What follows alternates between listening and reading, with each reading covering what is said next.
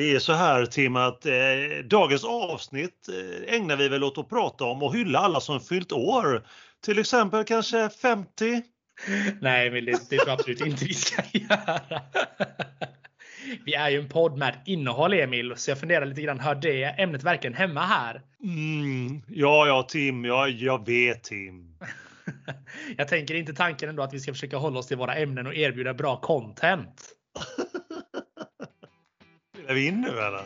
Ja, vi spelar in för fullt. Ja.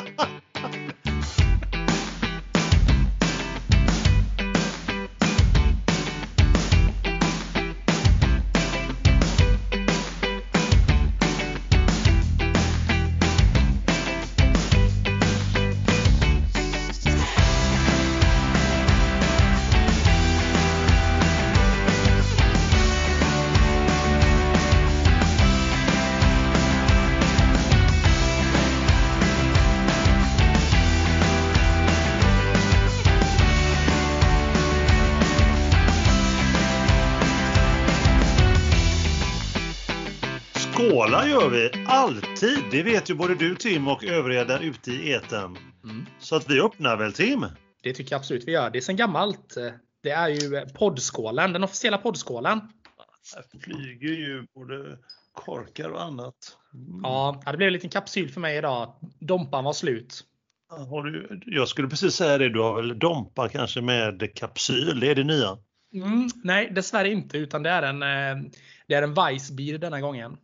Åh, vad fint ska det vara. Ja, man får ta det man har. Dompan var slut som sagt, så då fick det bli en liten, en liten Weissbier. En tysk sådan. Det är inte fel, det är inte fel. Mm. Inte alls. Ja. Mm. Oh, mm. Gott. Fina grejer. Jag har själv en garage. Garage, vad är detta för något? Eh, det är någon hard lemon. Åh! Ja, fina grejer, fina grejer. Det känns ju ja. helt tid, tidsenligt här nu på något sätt när vi börjar närma oss eh, våren. Det, det, känns ju så. Ja, jag har ju alltid som du vet Tim eh, och övriga har väl snappat upp det kanske, men jag ligger ju alltid i tid. Det gör du. Det gör du. Du är alltid en föregångare. Det, det brukar jag ju alltid säga. Tack Tim, tack Tim. Men för övriga då så vill jag säga att coviden den härjar fortfarande.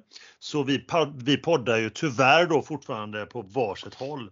Mm. Jag vet inte hur det är med dig Tim, men jag längtar att få podda ihop vid sidan av dig kanske. Vid en hockeyrink eller varför inte bakom en baslinje på en tennisbana. Där vi känner vinden från spelaren på planen. Tänk dig det Tim. Det hade varit helt fantastiskt. Man, eh, man längtar ju verkligen till, eh, till den dagen vi faktiskt får göra den här podden tillsammans på plats med varandra. Vi har ju hittills eh, de här nu åtta avsnitten endast kunnat göra detta på distans. Så att man gör ju det man, man kan göra för att hålla nere smittspridningen. Så att det, ja, nej, det ser vi verkligen fram emot. Det, det känns ju ändå som att vi börjar närma oss någon typ av slut åtminstone. Så att nu hoppas vi att det blir full vaccination här på, på allihopa så att vi kan göra den här podden tillsammans. Ja, det skulle vara en, det skulle vara en dröm, Tim. Det håller jag verkligen med om. Ska vi ta en liten skål till på det kanske? Ja, det tycker jag. Tycker skål jag. Tim! Skål övriga! Skål, skål! Lika god. Ja, väldigt gott. Lämna mig aldrig tsarr. Den gamla godingen. Den gamla godingen.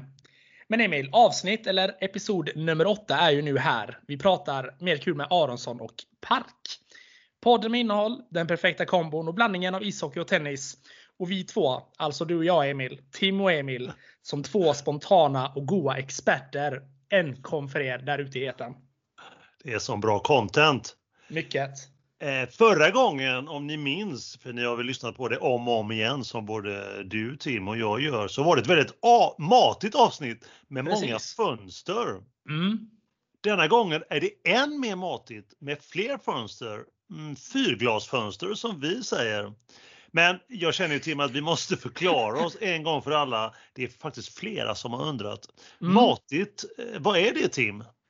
Ja, men det är att man har mycket och bra innehåll i sin podcast eller överhuvudtaget. Eller content som du och jag brukar säga. Och det är det vi försöker eftersträva i den här podden. Så att eh, här kommer ytterligare ett avsnitt med mycket bra innehåll. För att summera det matiga, vad det betyder. Men vi har även fått, som du sa Emil, många fönster. Vad är egentligen det för något då? ja, ja, det är ju eh, kort och gott eh, poddspråk. Eh, man kan säga det är många, många ämnen. Eh, även det är ju ett bra content eh, som ja, till exempel denna podd har ju många fönster, med andra ord många, många ämnen och dessutom väldigt, väldigt spännande ämnen om du frågar mig. Det håller jag med om helt och hållet och det tycker även våra lyssnare där ute att det är bra ämnen. Vi får ju också passa på att tacka alla er där ute som, eh, som lyssnar på oss och skickar meddelanden, ringer och mässar. Det är jätteroligt att ni är så aktiva och vill surra med oss. Vi finns på Instagram och vad heter vi där Emil? Ja, kan det vara mer kul med Aronsson och Park? Ah, 10 poäng. 10 poäng. Klockrent. Men Emil, har vi fått några frågor från våra lyssnare där ute i etern då? Har det kommit in någonting mer om eh, våra hyllningar till dessa 50-åringar kanske? Jag tycker det räcker nu Tim. Okay. Man kan ställa sig frågan, vem är det som egentligen fyller 50 härnäst? Mm. Men men, eh, däremot eh, hyllningen från förra avsnittet av våra, våra poddkompisar, ett samtal om tennis som drivs och pratas ut i eten av eh, mannen Henrik Larsson med hans eh, polare Petter Pettersson. Mm. Den gav, den gav faktiskt en skön skruv. Kul. Båda herrarna, inte bara en av dem, utan båda blev glada över och uppskattade vår hyllning sist. Det lovade även att jobba på utgivningsfrekvensen. Oj. Som fint sa. Vi eh, hade ju en liten klagan där på att de, de är duktiga, fantastiska på många sätt och vis. De håller sig till ämnet, en mm, podd med mm. innehåll. Men det här med utgivningsfrekvensen var ju väl si och sådär. Just det, de var lite opolitliga där, eller hur var det? Ja, de har kommit ut så ofta. De har hållit på nu i 100 år och inte kommit med så många avsnitt. Mm. Men, men. Mm. Men eh, som de poddproffs de är, de är även ändå, ändå uppe i en, vad var det, 150 avsnitt ish. så frågade, vi, så frågade vi, vad tycker ni om våran podd och vad har ni att komma med? Vad, vad tycker ni egentligen? Så att eh, de, de svarar någonting i stil med att eh, vi tycker att ni har någonting med podden. Alltså mer kul med Aronsson och Park. Fortsätt mm. att spela in. Ni kommer att hitta er, era roller mer och vilken struktur som passar er bäst. Keep up the good work, sa herrarna. Bara en sån sak. Lovande, eller hur Tim? Ja men verkligen vilken, eh, vilken respons. Det var ju väldigt kul att de var så snabba och, och respondera tillbaka. Det tycker ja, jag var roligt. Kul. Det är kul. Det är det. Det är det. Det känns som två jordnära killar som ändå eh, tar sig an och besvarar en eh, sån en liten podd som oss här. Ja, det är liten och liten, men ja, det är kul. Det är, kul. Det är, annars, det är annat än eh, Magnus Uggla eller Micke Tornving och så som vi har försökt, mm. försökt fråga, ställa, ställa frågor till, men fortfarande helt tyst. Men de har tiden på sig. Det har de absolut. De får, de får, verkligen, de får släppa divalatfasonerna snart tycker jag. nu över faktiskt Tim och i övrigt till påstående reaktioner från lyssnarna. Mm. Eh, det har kommit fram mer info som man kanske inte ändå trodde var möjligt, men det gäller förtydligande vad det gäller det franska ägget. Jaha, ännu mer? Minns du eller ni där ute avsnitt episod 3 och 4? Absolut, löv. Då vi pratade om hur man räknar i tennisens förtrollade värld. Att när det står 0 i ett game, typ 15 love, alltså 15-0, så kom siffran 0 från det franska ordet ägg. Eller rättare sagt, det franska ordet ägget. För mm. säger man löv så står det alltså för, när man översätter det till svenska, för ägget. Säger man bara ägg så heter det uff. Då tar man bort l. Jaha. Ja. Så, nu har vi rätt ut detta igen Tim. Oh. alltså det är ju det är sån, det är sådana språkkunskaper så det är inte klokt ja. Tänk sen när vi är inne på avsnitt 63 så du, jag har en ny grej här säger jag till dig Tim. Jag har en grej om det franska ägget. ja, det, det hade dock inte förvånat mig om det dyker upp här eh, rätt vad det är igen. Det känns som att eh, vi får mycket input kring, eh, kring dessa grejerna så det är, sak, det är kul. Ja, det är det. det, är det. Så att mm. eh, det, här blir, det här känns som hashtag never ending story. Sen vill jag faktiskt Tim och hashtag, hashtag, ja, jag får hashtag ursäkt nu faktiskt för att jag vill be om ursäkt. Eh, för att senast påstår jag att dansken Holger Rune som vann i kvalet mot Mikael Ymer för, här för några veckor sedan eh, i Barcelona är faktiskt en norrman. Mm, big mistake. Och därför också tacka ni lyssnare som är så uppmärksamma. Från och med nu vet vi att Rune är dansk och ingenting annat. det var väldigt eh, snabb respons som vi faktiskt fick där. Vi hann knappt släppa avsnittet innan vi fick en, eh, en anmärkan på, på vår Instagram, vilket vi givetvis uppskattar. Så väldigt roligt att, eh, att ni är snabba och ja, reagerar och skriver till oss. Har vi något mer hårt, svårt rostat bröd sen sist Emil? ja, med lite tjädre kanske. Till, när vi ändå går tillbaka till avsnitten som vi har haft innan. Ja, jag faktiskt, jag återkommer till det, men jag har ju sett ett par matcher mm. Eh, sedan sist givetvis och i, i ett par av dem har jag har jag ätit det hårt, svårt rostade det brödet med lite chèvre och oh. givetvis extra saltat smör. Just det, smöret var det. Smöret var det. Gott. Men just i det här ämnet då och sist men inte, absolut inte minst, vår vän Anders Bergqvist för ett mm. par avsnitt sedan eh, har vaknat till han har vaknat till liv och gett sig till känna efter Leksands snöpliga uttåg i kvarten, alltså slutspelet i SHL. Ja, han, han låter hälsa följande. Örebro var väldigt påställda, mm, jag vet inte om han egentligen menar pålästa där, och förberedda. Leksand hade inte en chans tyvärr. Han vill också framföra att han inte är bitter utan längtar redan till nästa kommande år. Det är du. Jag gav mig inte på hans eh, Leksands dialekt där och det var väl tur för alla inblandade kanske. Ja, då Men... hade du blivit kallad för stockholmare igen. kanske, kanske. Men Tim, jag har en fråga mm. från mig till dig. Ja. Eh, sa inte du att Leksand skulle vinna SM-guld som den hockeyexpert du är? Och jag vet inte om Åkte inte de ut då i kvarten som sagt? Jo, jag hade ju nästan hoppats på att du inte skulle ge mig den här frågan eller anmärkningen som den eh, soffexpert jag ändå säger att jag är. Jag ville dock höja ett litet finger på att jag var inne, inne att, det kunde bli, att det skulle kunna bli en flopp här med Leksand på grund av just rutinen. Men ändå så tippade jag dem som vinnare. Ah, det kändes lite ah, det gjorde, gjorde lite ont att eh, Leksand åkte ut så, så pass enkelt som de gjorde i alla fall. Hade det varit en bra kamp så hade man ju ändå kunnat köpa det. Men nu känns det som att eh, det var väldigt övertygande av Örebro. De hade gjort sin läxa. Och jag tror att Anders är helt inne på när han säger att eh, de var, att de var påställda. Det brukar man använda i de termerna i hockeyvärlden och i andra sporthändelser också. Att man är väldigt på, att man är väldigt eh, på plats. Att man har liksom inte bara ställt in skridskorna för att spela utan man är väldigt påställd. Så jag tror att han är ute rätt där också. Där. Ah. Okej. Okay. Tänk att jag mm. alltid när, jag, när, vi, när vi kör den här podden så lär jag mig alltid något nytt varje gång. Ja, det, ja, det är fascinerande. Ja. Det är fascinerande och det är ju det som är målsättningen med podden. Att vi vill ju lära oss massa nya grejer om varandra, av varandra. Ja, det är så bra. Det är så bra. Fick jag lära mig påställd och så fick jag också lära mig Tim att du kan ha fel. Även om du som, som du säger nu, jag får ju ge dig det, att du, höll, du höjde ett varningens finger för Leksand och deras mm. orutin precis, när det gäller precis. slutspel. Ja, det hade nog gått betydligt bättre för dem om eh, de hade haft lite stjärnor som hade dels haft rutiner men också att de hade varit på plats. Det kändes som att de var helt, äh, men de kändes avställda till, eh, till skillnad från Örebro som var påställda. Ja, just det. Mm, mm. Lite som att ställa av och ställa på bilen du vet inför vintern och sommaren som en av våra gamla vänner gör. Ja just det, just det. Det mm. jag nästan glömt men vem kan glömma det?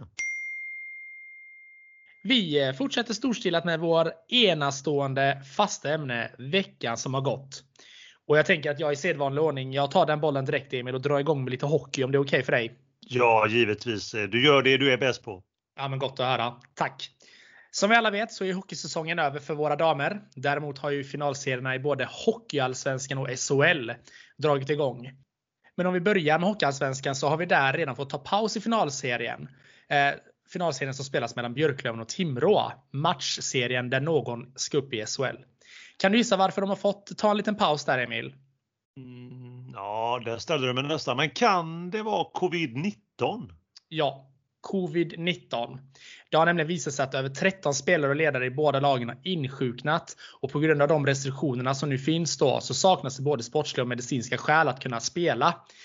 Detta har nu pågått i några veckor så man har nu i samförstånd valt att dra igång finalserien igen nu på torsdag när podden släpps. Uh, och där står det faktiskt eh, 1-1 i matcher så att de ändå kommit igång med två matcher. Men, uh, men har, fick sedan avbryta då. Om vi lämnar Hockeyallsvenskan och går till SHL istället så är ju också slutspelet där inne i sitt slutskede och det är ettan mot tvåan i årets tabell som får göra upp om bucklan LeMatt och det känns väl ändå rimligt att ettan och tvåan i denna corona säkrade säsong ska få göra upp om Lemat.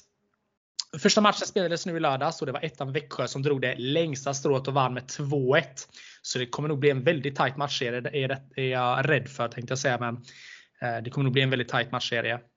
Men efter matchen Emil så skedde ett litet annorlunda utspel från den rutinerade tränaren Sam Hallam, Växjös tränare.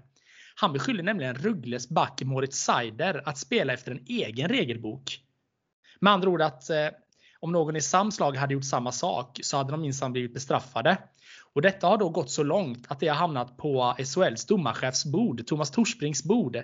Och kan du gissa vad han svarade när Sam Hallam anklagade Moritz för att inte spela efter samma regelbok? Mm, nej, det, den är svårare. Den är svårare, men självklart så gav man ju det mest upp, uppenbara svaret man kan ge. Han spelar efter samma regelbok. klok kille. Väldigt, väldigt klok kille. Hur som helst, idag måndag så spelas i alla fall match 2. Och eh, just nu gjorde faktiskt Växjö 1-1 i den matchen. Som, eh, som Rögle nu i andra perioden ledde. Så att eh, ja, spännande matcher är detta. Men om vi lämnar SHL så är det ju en annan rolig grej som händer här om två veckor. Vet du vad?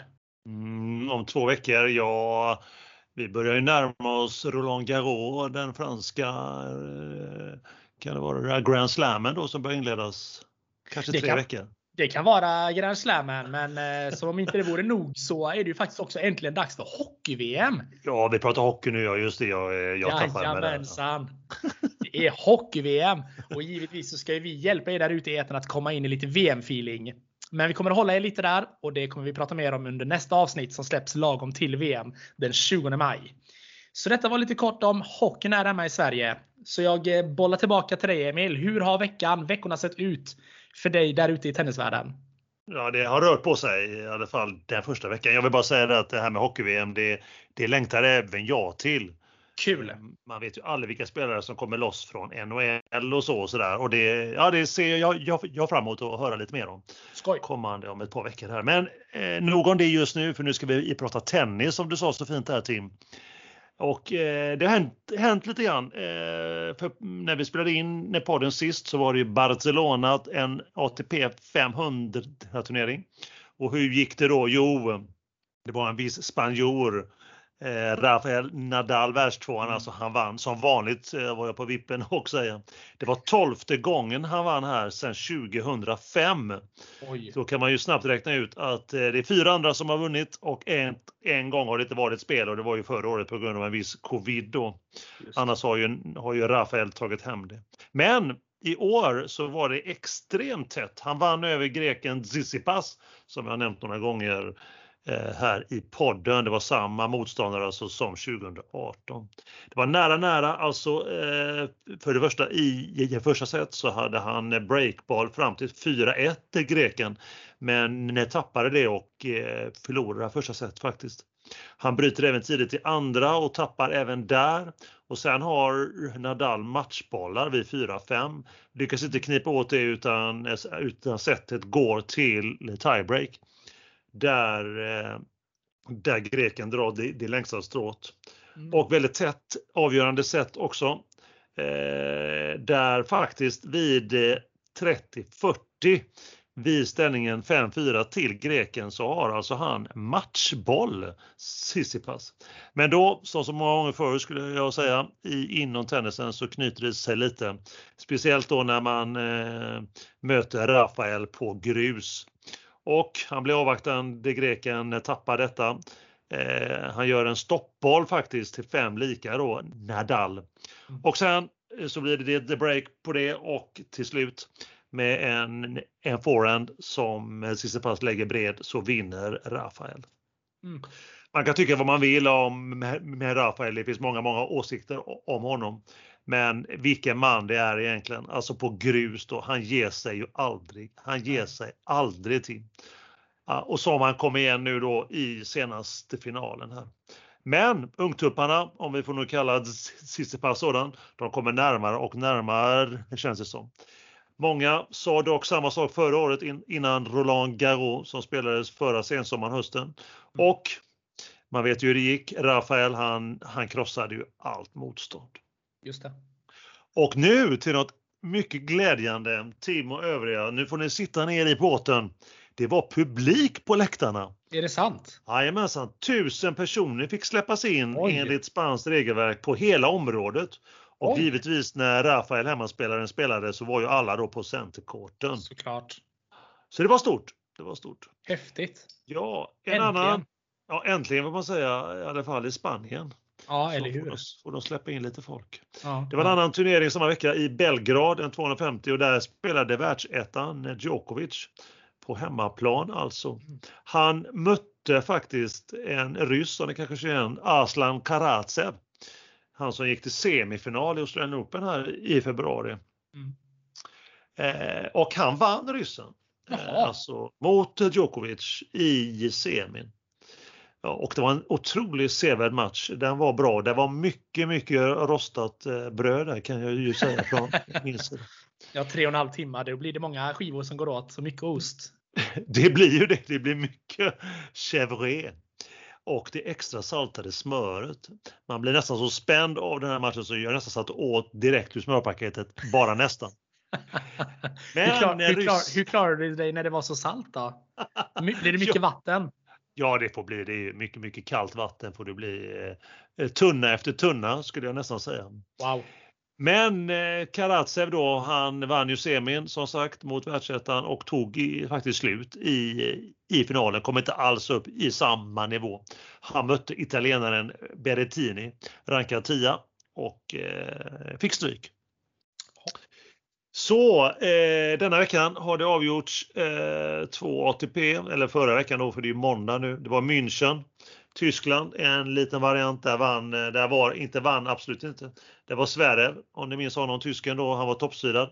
Men han föll dock i kvarten redan. Och eh, mästare här blev en viss Basilashvili från Georgien. Oj. Rankad 31. Eh, visst var du imponerad nu av uttalet Tim? Jag skulle precis säga att nu börjar uttalet sitta rejält här. Som jag har pluggat med min ryske kompis. Ja, det hör jag. Det hör jag. Han eh, slog faktiskt eh, en tysk, en annan tysk eh, hemmaspelaren Struff i finalen. Och den sista turneringen som spelades då förra veckan, det var en Estoril också i, åter i Spanien. Eh, en 250 turnering. Toppsidan här var kanadensaren Chapavalov. Men han åkte ut med en gång där redan i andra, andra rundan. Jag ska inte säga att han är oduglig på grus, men han har väl, han har väl bättre, bättre underlag. Hem, vann gjorde faktiskt hemmaspelaren Ramos Vinolas, mm. rankad 37 i världen. Häftigt. Jag får väl säga så mycket till med att varken, eh, varken någon av dessa två turneringar i München eller Estoril, de kittlar väl speciellt mycket. Men nu kittlar det Tim ska du veta, för den här veckan, ja. då är det dags för en Masters i Madrid. Återigen Äntligen. alltså i Spanien. Äntligen! Den började förra veckan eh, med kval och i söndags började den då med, med huvudturneringen. Mm. Eh, världstvåan då, Nadal som vi har nämnt, han har då varit på plats många gånger. Han har vunnit 2005, 2010, 2013, 2014, 2017. Oj. Mm. Och det är några, några så att säga, tennisexperter igen som påstår att han vinner aldrig i Madrid. Jag vet inte hur, han har ändå vunnit fem gånger så att det är inte så att han aldrig vinner på hemmaplan. Eh, Djokovic faktiskt, världsettan står över. Eh, oklar, oklart varför. Han påstår själv att eh, han tar det lite soft och lugnt nu för att han vill värna om sina fans och inte vara nära dem, skrev han i något Twitterinlägg. Dock diffust. Men eh, i mångt och mycket är ju världsettan diffus i många uttalanden och vad han gör. Men vi har många kapabla spelare ändå. Vi har bland annat Medvedev Trean mm. världstjärnan, alltså TM fyran, Tsitsipas igen, femman, Zverev sexa och Rublev, ryssen, sjua. Så att det är bara för att nämna några så att det är bra uppställ ändå. Så det är även här från denna, denna skara som jag, jag tror tillsammans givetvis då med Nadal som vi kommer hitta Just. vinnaren. Då över till lite svensk Karl kanske. Vad säger du om det? Kul, kör på! Kan det vara Mikael... någonting med bröderna Ymer kanske? Ja, man nämner ju alltid dem först. De är de högst rankade. Ja, men jag menar det. Ja, Mikael Ymer den yngre, han, eh, han har inte spelat. Och mm. varför han inte spelar, det kan man ju diskutera. Därom tvistar de lärde. Han hade kommit in i kvalet till just Masters. Det som i, i Madrid nu alltså, men nej, där dök han aldrig upp. Konstigt, konstigt. Ja, eh, han gör enligt mitt tycke konstiga prioriteringar vad gäller val av turneringar. Han borde lira enligt mig då mer Challenger för att få mer matcher, lite poäng. Han hade varit topprankad både i eh, Ostrava som spelades förra veckan och i Rom, Italien. Alltså, som gick, det var en Challenger, alltså nivån under ATP. Mm. Och han var anmäld faktiskt till eh, en Challenger då i Heilbronn i Tyskland veckan innan Roland Garros här om ett par veckor. Ja. Men han tackade nej till det. Så det blir ingen eh, spel för Mikael Ymer för en Roland Garros som inleds här då den 24. Med mm. kval som inte han är med utan där är storbrorsan med och veckan efter då så inleds huvudturneringen. Han, vet du vad som har hänt den här veckan då? Han har dock ramlat ur topp 100 och det är ju deppigt. Han ramlade från 99 till 104. Oj. Så det är lite sådär, så nu är han ju farligt nära att inte direkt kvalificera sig till just eh, Grand Slammen. Mm. Aj, aj, aj. Ska bli intressant att se om man kan rycka upp sig. Eh, men mm. jag ser det som så att eh, killen har lite hybris och han har usla, dåliga rådgivare som inte liksom får in honom på rätt spår och talar om att med din nivå där du ligger, där bör du ner en nivå och lira mer äh, Challenger. Men i det ämnet så lär vi återkomma. Kanske en eller två eller tre gånger igen. Vad märkligt. Mycket, mycket. Ja. ja. Vad han håller på med med sina val av turneringar. Man börjar nästan tro att det är någon typ av skada som gör att han spelar så otroligt lite. Ja, men någonting måste det nästan vara känns det som. Ja. För skillnaden då mot hans storbror mm. Elias, han spelar. Mm. På, han har alltså på sex veckor nu spelat sex raka turneringar. Han har gått till att vara strax utanför topp 200 och är nu 189 så han går åt andra hållet. Just. Och på dessa sex veckor han spelat så har han haft två semifinaler och en kvart som bäst. Så att den ene kan man säga brodern verkar på väg upp och den andra är på väg ner. Mm. Spännande. Ja. Och han då, nästa turnering för honom då är eh, också Roland Garros. Eh, kvalet då för hans del. Sen lite kort om, eh, vi får nämna lite andra svenskar känner jag också på touren. Vi har ju en eh, härlig göteborgare, Marcus Eriksson, rankad 353 i singel. Eh, han spelar ännu en, ännu en eh, klass lite längre ner, alltså Future. Mm. Och inte med någon större framgång. Men det hände en rolig sak för honom nu i helgen faktiskt. Vi kunde se honom i kvalitetsprogrammet Duellen på kanal 5 under ledning av ingen mindre än Pontus Gårdinger. Har du sett det här? Jag har faktiskt inte sett duellen speciellt mycket, men jag har sett lite småklipp från det. Ja, kolla i helgen då, för vet du vad Marcus Eriksson då var inbjuden att göra och vara med i, i en duell? Nej, inte Han alls. skulle spela tennis på is! Nej, är det sant? Ja, så de hade gjort linjer då på en, i, en, i en hockeylada. Om ni inte har sett det så måste ni bara se det. Det är redan en klassiker. Kan det vara så att eh, de på duellen har, eh, har lyssnat på vår podd, Emil? Jag tänker tennis och hockey är den ultimata kombinationen. Man kan nästan tro det. Ja, men någonting måste det vara. Pontus, Pontus Gårdinge här och verkligen fråga honom. Vi skulle ha trademarkat det från början. nu, nu har kanal 5 gett sig in i kampen om den ultimata kombon. Alltså det är illa, det är riktigt illa. Men vad jag känner också med det här Tim, det är att vi, vi snart borde göra ett specialprogram om just olika underlag när det gäller tennis. Och så eh, vi kan ju ja. prata då om kanske då, eh, de har ju spelat på parkett, tarkett. Och mm. just nu då visar det sig att Marcus Eriksson spelar på is. Vi kanske ska bjuda in honom så får han redogöra, redogöra exakt för hur det var att spela just på is. Just det. Väldigt. Eh, men hade, hade de, eh, men de körde bara tennis? Det var inte så att de hade hockeyregler? Han slog ingen icing med tennisbollen eller så? Nej, det var ju ishockeyregler. Alltså, jag har ju kollat väldigt, väldigt kort på det korta klipp så jag har inte sett hela ännu.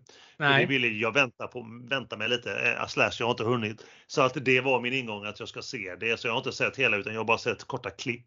Skoj. Äh, från herr Erikssons Instagram. Jätteskoj. Ja, det måste ja. jag ju kolla in. Ja, det är kul. Det är kul. Eh, vi kan också nämna kort också fyran, en man som heter Christian Lindell som ligger ett par placeringar efter Eriksson. Eh, där kan man också fråga sig vad egentligen han vill med sin tennis. Men, men han spelar väldigt sporadiskt han spelar bara på grus, nästan alltid bara i eh, Sydamerika. Så att han bor ju där nere och sådär så det är inte det är så konstigt. Men, men vi lär ju få anledning att prata mer om dessa fyra svenska herrar någon annan gång och mer om övriga, om flera svenska spelare längre fram. Kul. Men Tim, det var veckan som gått när det gäller både hockey och tennis då. Bara en annan sak Emil jag kommer att tänka på. Det har inte varit någonting mer om eh, tronskiften. Jag tänker nu när Aslan Karatsev vann. eh, nej, eh, det blir ju så. Det blir mycket prat och återigen att eh, eh ta de unga nu över och sådär. Eh, men inte mer, inga större saker utan nu har väl, nu har väl de, de, de flesta börjat inse att vi ska nog vänta ett tag innan vi börjar skrika och yra om just tronskifte. De har hållit sig lite på mattan denna veckan helt enkelt. Ja, det känns som det. Skönt att höra.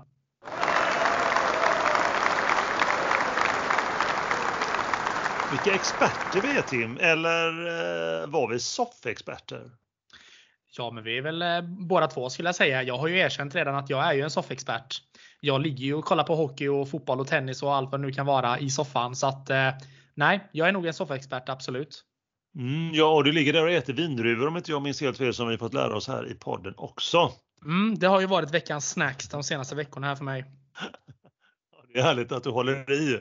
Jag med mitt rostade bröd, hårt rostade bröd och du med dina röda vindruvor. Jajamensan. Ja, det, ja. det är bra, man vet vad man har oss. Men nu, nu Tim och övriga, nu till ett kärt gammalt ämne. Det blir gåshud när jag bara tänker på det. Ämnet är tiden som flytt ett minne. Oh. Minns ni från avsnitt nummer två? Vi pratade gamla minnen. Du Tim, du pratade om Frölundas SM-guld 2003 och jag Davis Cup-åren 1983 och 1986. Mm. Då finalförlusterna mot just Australien båda två på bortaplan. Men nu, nu är det dags igen. Vi har tänkt oss så här nu att vi varvar detta ämne mellan dig Tim och hockeyn och mig då tennisen. Och idag har jag fått den stora ynnesten, äran att få köra. Det blir givetvis tennis, det blir givetvis Davis Cup som ligger mig så varmt om hjärtat om ni har missat det. Jag vill prata Davis Cup och jag vill prata årgång 2007. Är ni med på sju minuters gåshud, ren och skär njutning? Är du med Tim? Jag är redo. Jag är så redo. Jag lutar mig tillbaka nu och bara njuter. Ja, så ska det, så ska det låta. Höj nu till maxvolym och bara njut. Det var ingen svensk titel detta år, men helt klart ett intressant år att prata om. Det senaste året, senaste gången Sverige gick så långt i just Davis Cup. Ett år 2007 som visade på mest roligheter för svensk tennis och flera matcher i Göteborg av alla ställen. Vi tar det från början med lite ranking faktiskt. Eh, Sveriges topp 100 i singel herrar. Det året inleddes med Robin Söderling, han var rankad 25. Jonas Björkman rankad 54 och Thomas Johansson rankad 71. Det var första omgången i februari månad mot Vitryssland i fotboll manege i Minsk av alla ställen.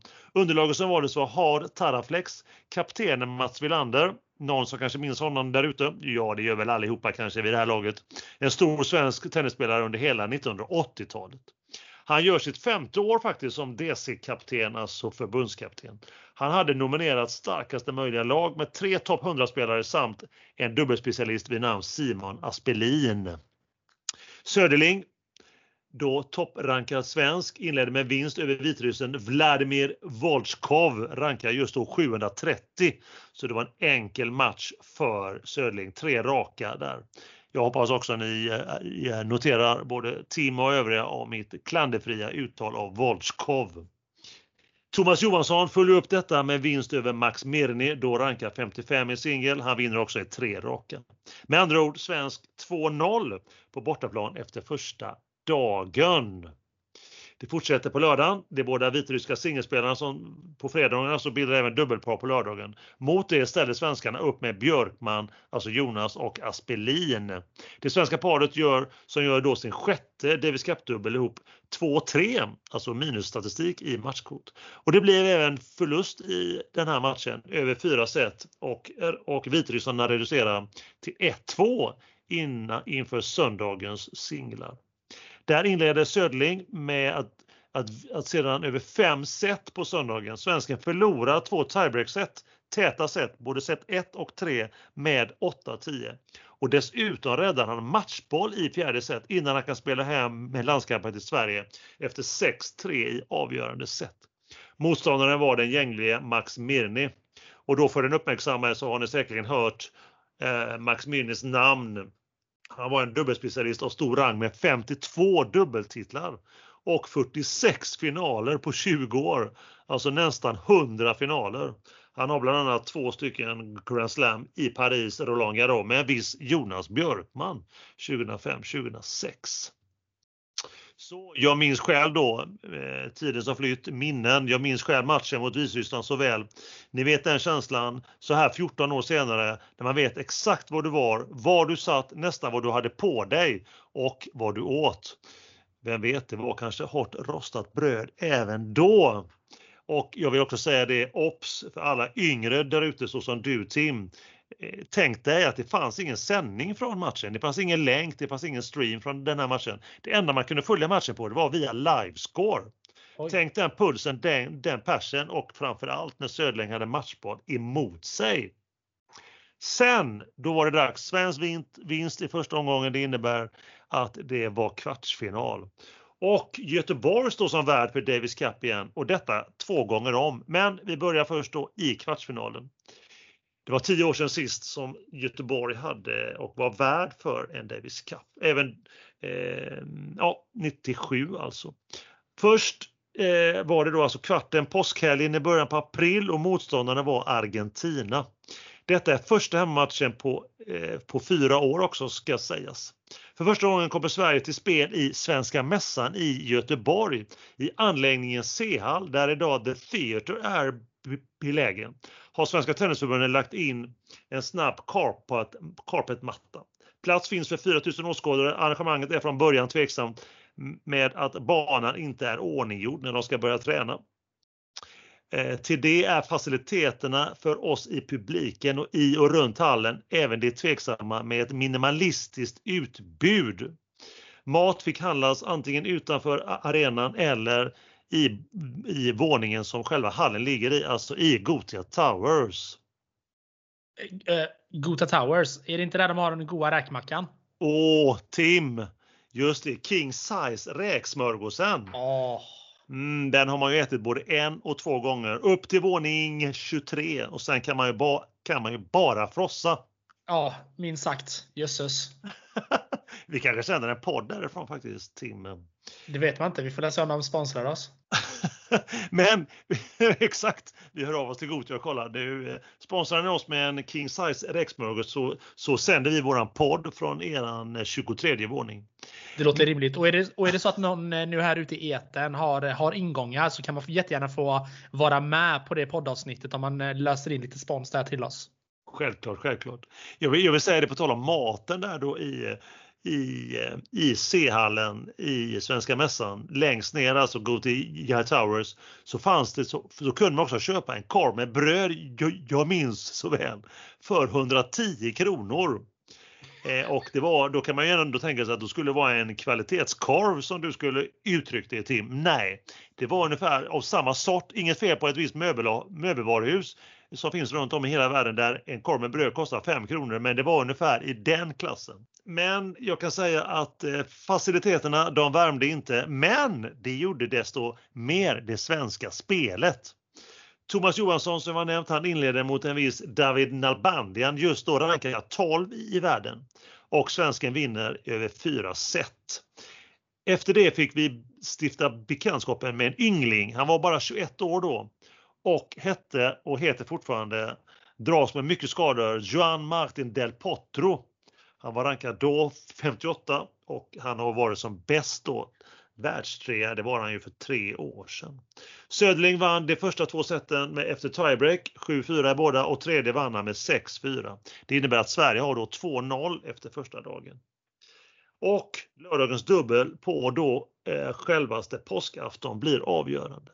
Thomas Johansson i par med Jonas Björkman möter Nalbandian mot Canas.